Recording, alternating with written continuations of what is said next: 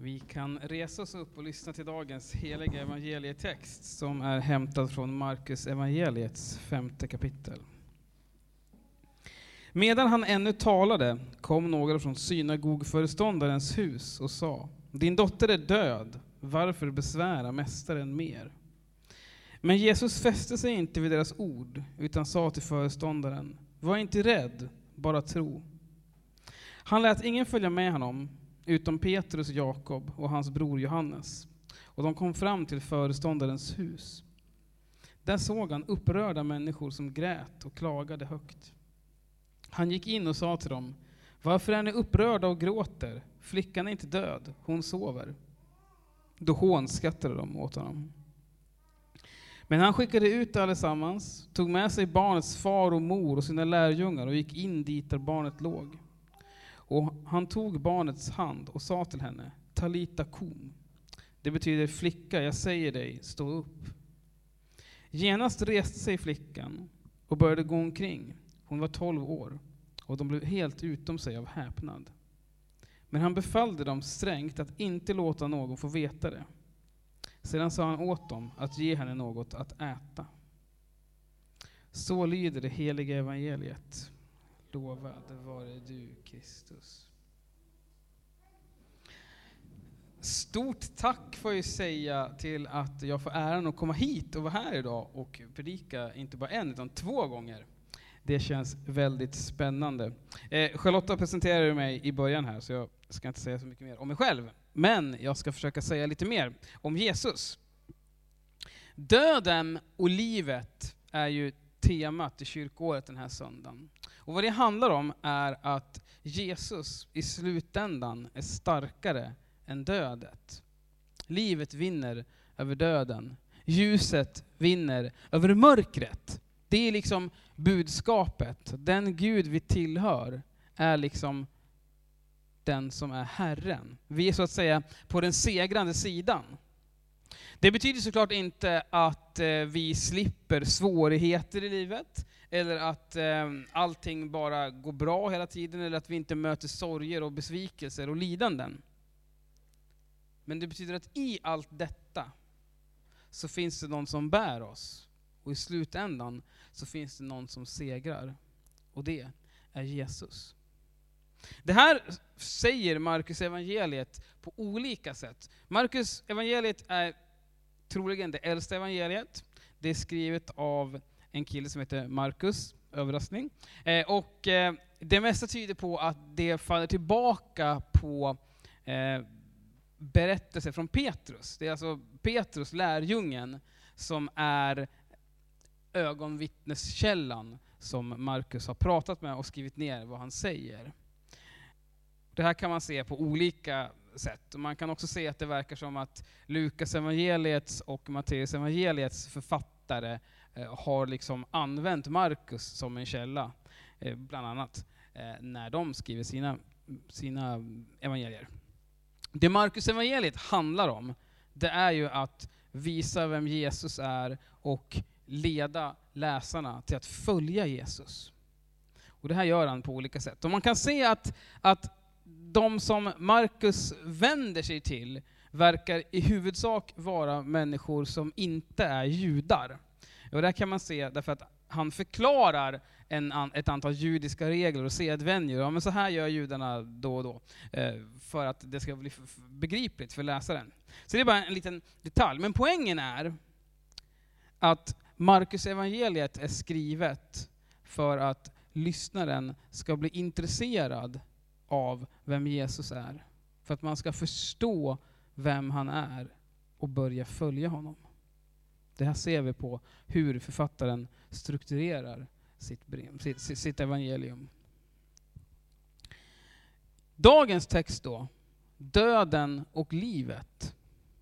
Det jag läste det är liksom slutet av vad man skulle kunna kalla för en slags dubbelmacka, bildligt talat. Alltså det börjar med att vi får reda på att eh, det finns en synagogsföreståndare som har en sjuk dotter.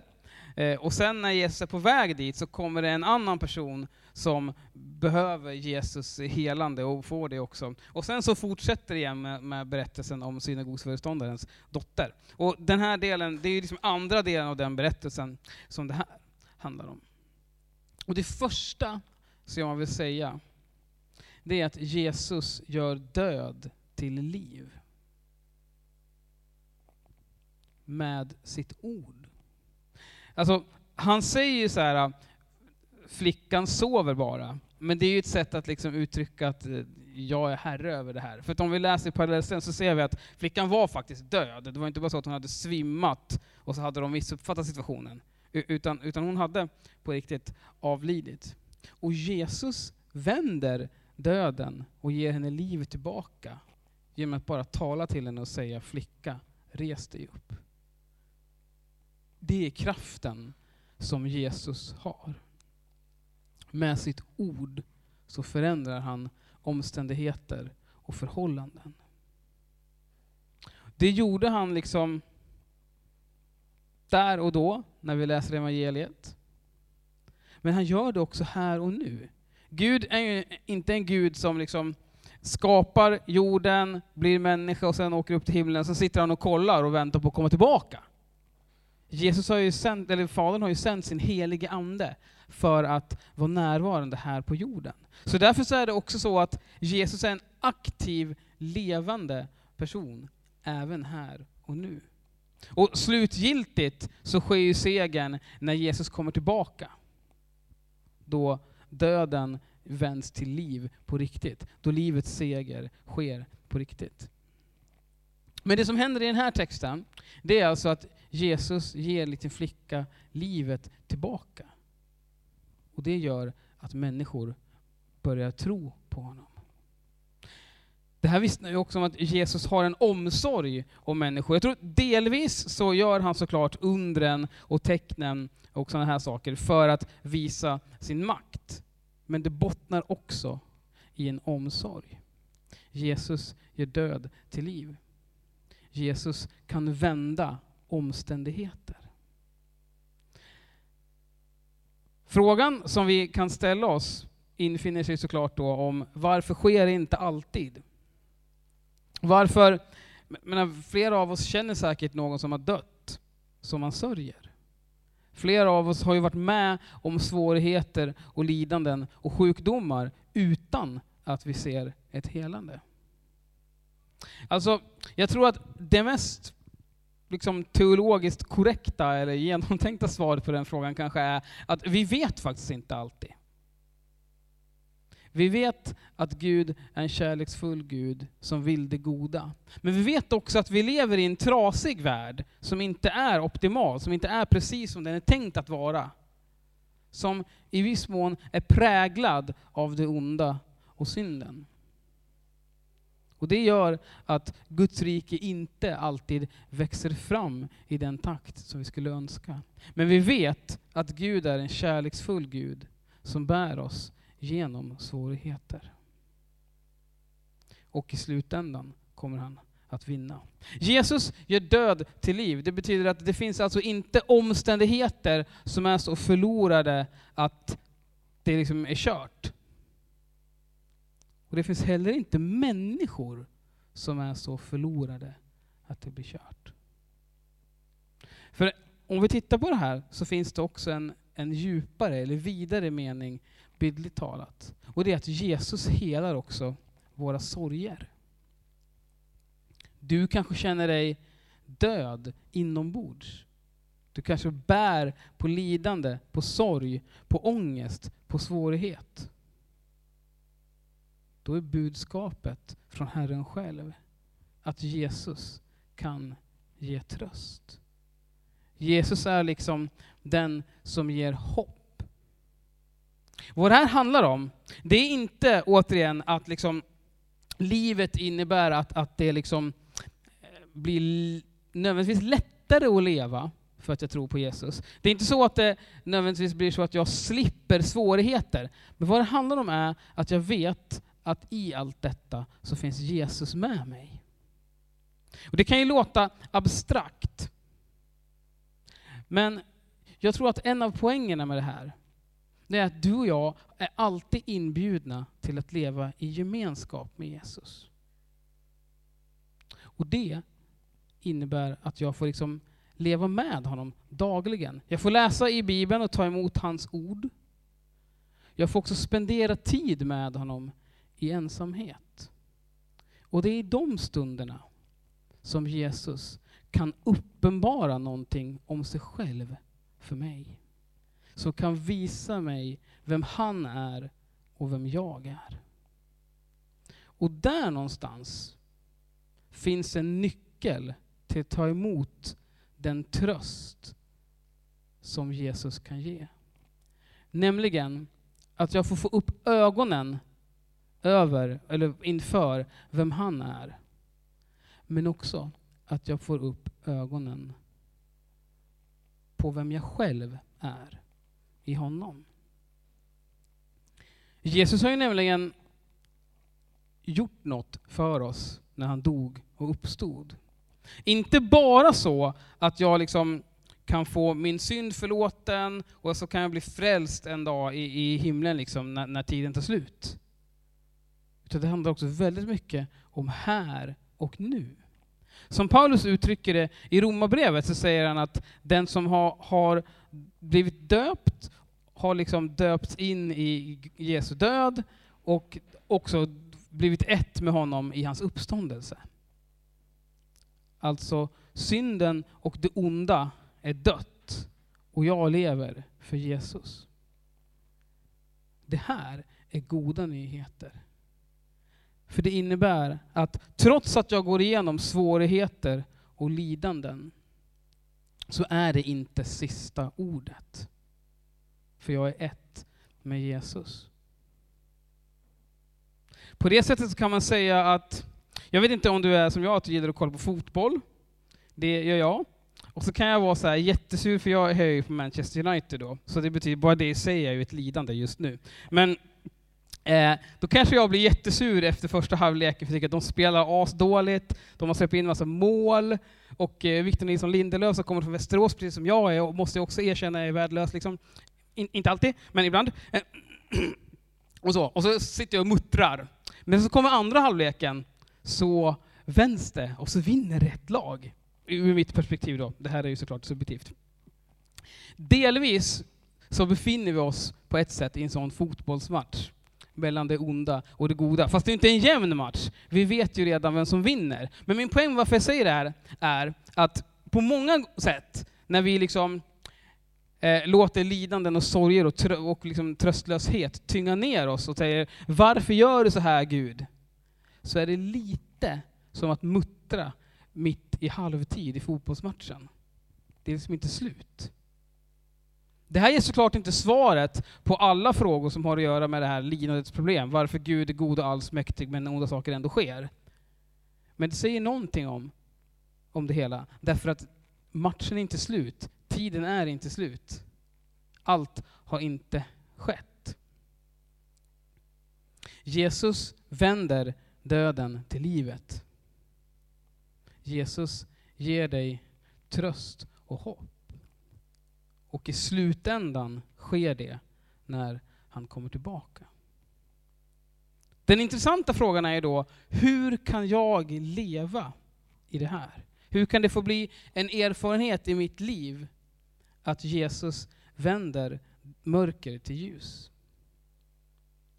Steg ett, det är faktiskt att komma till Jesus. Det är det den här synagogsföreståndaren gör.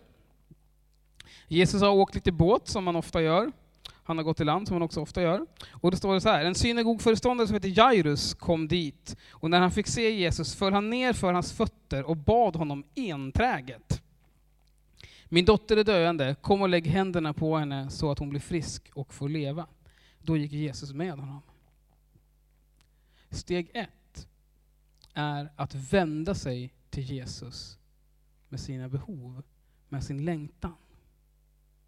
Inte för att Jesus är okunnig, eller för att Gud så liksom behöver information från vår sida. Men därför att Gud vill att vi uttrycker vad som finns i vårt hjärta.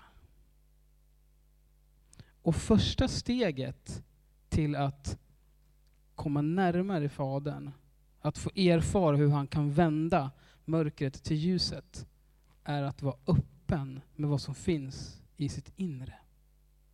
Det är som relationer fungerar. Jag kan ju inte ha en nära relation till min fru eller till mina vänner om jag liksom försöker dölja lite vem jag är. Såklart så finns det liksom integritetsgränser. Jag delar liksom inte allting som jag delar med min fru, delar jag inte med mina bästa vänner. Ni fattar vad jag menar. Men, men relationer oss emellan bygger ju på faktiskt att man är ärlig. Och relationen till Fadern är likadan. För det är när jag öppnar mitt hjärta och är öppen med vad som finns där. Både av sånt som är glädjeämnen, men också sånt som är sorger och, och, och, och, eh, nedstämdhet och lidande. Men också sånt som är mörker, där jag själv väljer att gå bort från Gud. Allt det behöver jag öppna upp för Herren. För då kan han börja nysta i det. Jesus är nämligen inte sån att han bara bufflar in i folks liv. Det är klart, vi är ju beroende av Guds nåd och vi är beroende på att Jesus på något vis eh, gör oss nyfikna på honom. Men vi ser gång på gång hur Jesus frågar människor, vad vill du att jag ska göra för dig? Vill du bli frisk? Därför Jesus är intresserade, intresserad av oss som individer. Så en viktig nyckel i att komma till Jesus, att få lära känna honom, att komma närmare Fadern, det är att öppna sitt hjärta även med det som man liksom skäms över eller tycker är jobbigt. Är det svårigheter och lidanden så kan ett sätt att öppna sig vara att dels bara säga det i bön, men det kan också vara att gå och prata med någon. Inte för att saker liksom Gud inte hör saker eller tar till sig saker eller att man är mindre ärlig om man bara pratar med Gud själv. Men det är gott för oss ibland att se en fysisk människa med fysiska öron som lyssnar på det jag har att säga. Så det är en hjälp för oss. Är det saker som du vet i ditt hjärta, det här är liksom synder och svårigheter som jag har i mitt liv. Då kan du få gå till enskild bikt till en präst och bara bekänna det du vet med dig i ditt liv att du har, som är snett, som går emot vem Gud är. Och få höra orden om förlåtelse. Det är egentligen samma sak som vi gör, eh, kanske inte varje söndag, men när vi firar mässa, så har vi en syndabekännelse. En bikt är exakt samma sak, bara att den är individuell och jag får en möjlighet att säga konkret vad det är som finns i mitt inre. Det här har med liksom Jesus seger över döden och ondskan att göra, så tillvida att vi får en del av det när vi också vänder oss eller tar emot det Gud vill ge oss. Och här är att vara öppen med sitt inre en viktig nyckel. Så Jesus vänder döden till livet. Han gjorde det för den här flickan. Han kan göra det för oss. Och slutgiltigt kommer det att ske på den yttersta dagen. Och det här är något som sker både bokstavligt och bildligt. Alltså även det mörker och lidande och svårigheter som jag bär på i mitt inre kan Gud vända. Ja, vi får vända oss till Gud själva i bön för det som vi bär på. Därför vi vet att Jesus är levande och han vill bara det bästa och det goda för oss. Det här ser vi gång på gång när vi studerar Jesus liv i evangelierna. Att han gör alltid det goda för människor. Så oavsett liksom vem du är, när vi vänder oss till honom så kommer han inte stå där och titta på oss och bara, det här var inte så bra gjort.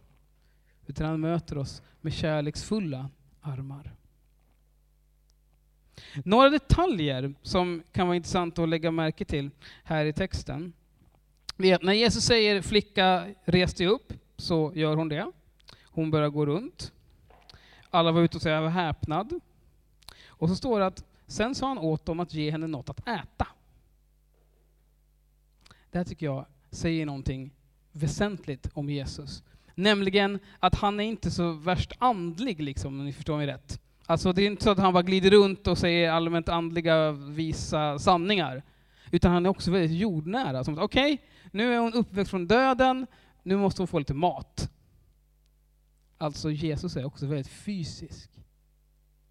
Och det här är goda nyheter för oss. Eftersom att vi är fysiska varelser, så vet vi att det, också det är någonting som Gud har skapat oss med. Han säger även så här, vilket kan tycka lite konstigt. Han befallde dem, alltså de som var där, strängt att inte låta någon få veta vad som hade hänt. Det här är lite spännande, för det händer flera gånger att Jesus förbjuder folk att berätta vem han är eller vad de har varit med om. Varför det? Ja, det kan man diskutera mycket. Men det verkar som att det troligaste svaret är att det är en fråga om timing. Jesus ska leva sitt liv här på jorden. Han ska göra de gärningar han ska göra och han ska dö på ett kors och han ska uppstå. Allting har sin tid. Om det för tid börjar spridas allt vad han gjort och allt vad han har sagt och vem han är, så är risken att folk försöker ta sig med honom och göra honom till kung, står vid något tillfälle. Och det finns liksom inte, det, det är inte, var sak har sin tid. Vid rätt tillfälle är det tanken att det ska bli uppenbarat vem han är. Och då vänder han också stegen mot Jerusalem och sedermera Golgata. Så döden och livet är inte bortom Guds kontroll. Jesus är Herre också över döden. Han är Herre över dina och mina sorger, svårigheter och synder. Och likt synagogsföreståndaren som kommer, som kommer till Jesus och säger Kom, lägg händerna på min dotter, uttrycker sitt behov. Så får du och jag uttrycka det som finns i vårt inre till den levande guden. Och be till honom och lita på att han kommer att gripa in. Låt oss be tillsammans.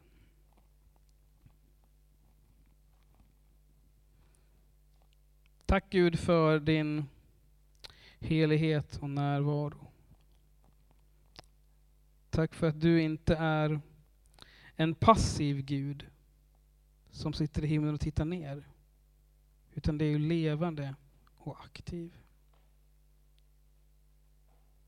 Och jag ber för de av oss som bär på, på sorg, på lidanden och svårigheter. Så ber vi om ditt ingripande. Jag ber att vi ska se hur din närvaro på riktigt förändrar vårt tänkesätt, vårt handlande och våra liv. Att din närvaro ska göra att vi ser vem du är och vilka vi är.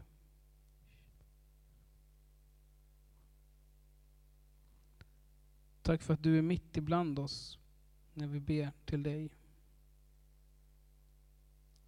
Amen.